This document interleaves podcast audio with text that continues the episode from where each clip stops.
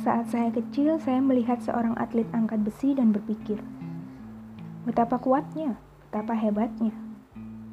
Saya mengira masih dengan pikiran naif dan lugu seorang bocah, bahwa yang kuat adalah mereka yang mempunyai otot dan berbadan kekar, yang sekiranya bisa mengangkat bertonton beban dengan kedua tangan mereka.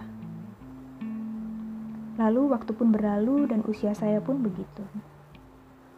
Perlahan, entah bagaimana awalnya, Definisi saya tentang mereka yang kuat perlahan memudar. Mungkin mereka yang kuat bukan saja mereka yang berotot atau berbadan kekar.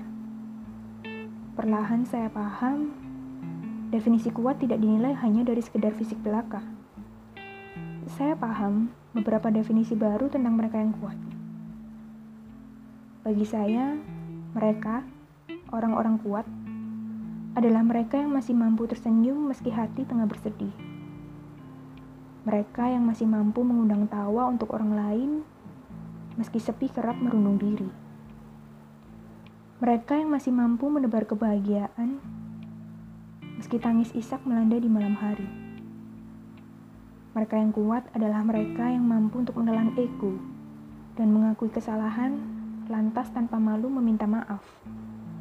Meski terkadang mereka tidaklah salah, mereka hanyalah orang-orang kuat yang memilih untuk mengalah daripada harus kehilangan sebuah hubungan yang rusak hanya karena seonggok harga diri. Pun begitu juga sebaliknya. Mereka yang kuat adalah mereka yang tanpa ragu mampu memberikan maaf, bahkan kepada yang tidak layak untuk mendapat ampun sekalipun. Orang-orang yang kuat adalah mereka yang masih mampu memberikan harapan bagi orang lain, meski terkadang harapan mereka sendiri pun telah redup.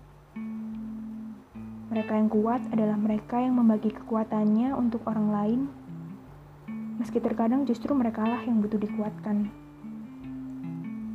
Seringkali mereka yang kuat adalah mereka yang berhati besar, dan karenanya lah mereka tak seorang tersakiti dan terkianati. Banyak orang yang memilih untuk menyerah, tapi mereka yang kuat mencoba bertahan.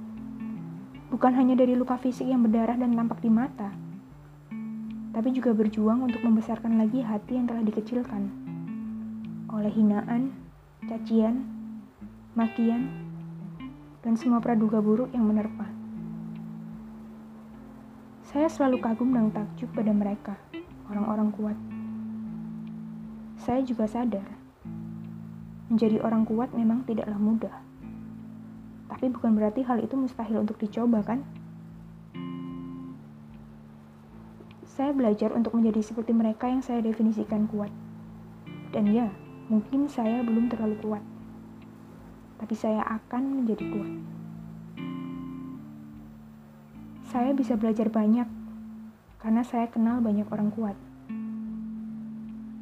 Dan teruntuk orang-orang kuat di luar sana, teruslah berjuang. Dan jangan pernah lelah untuk menjadi orang kuat.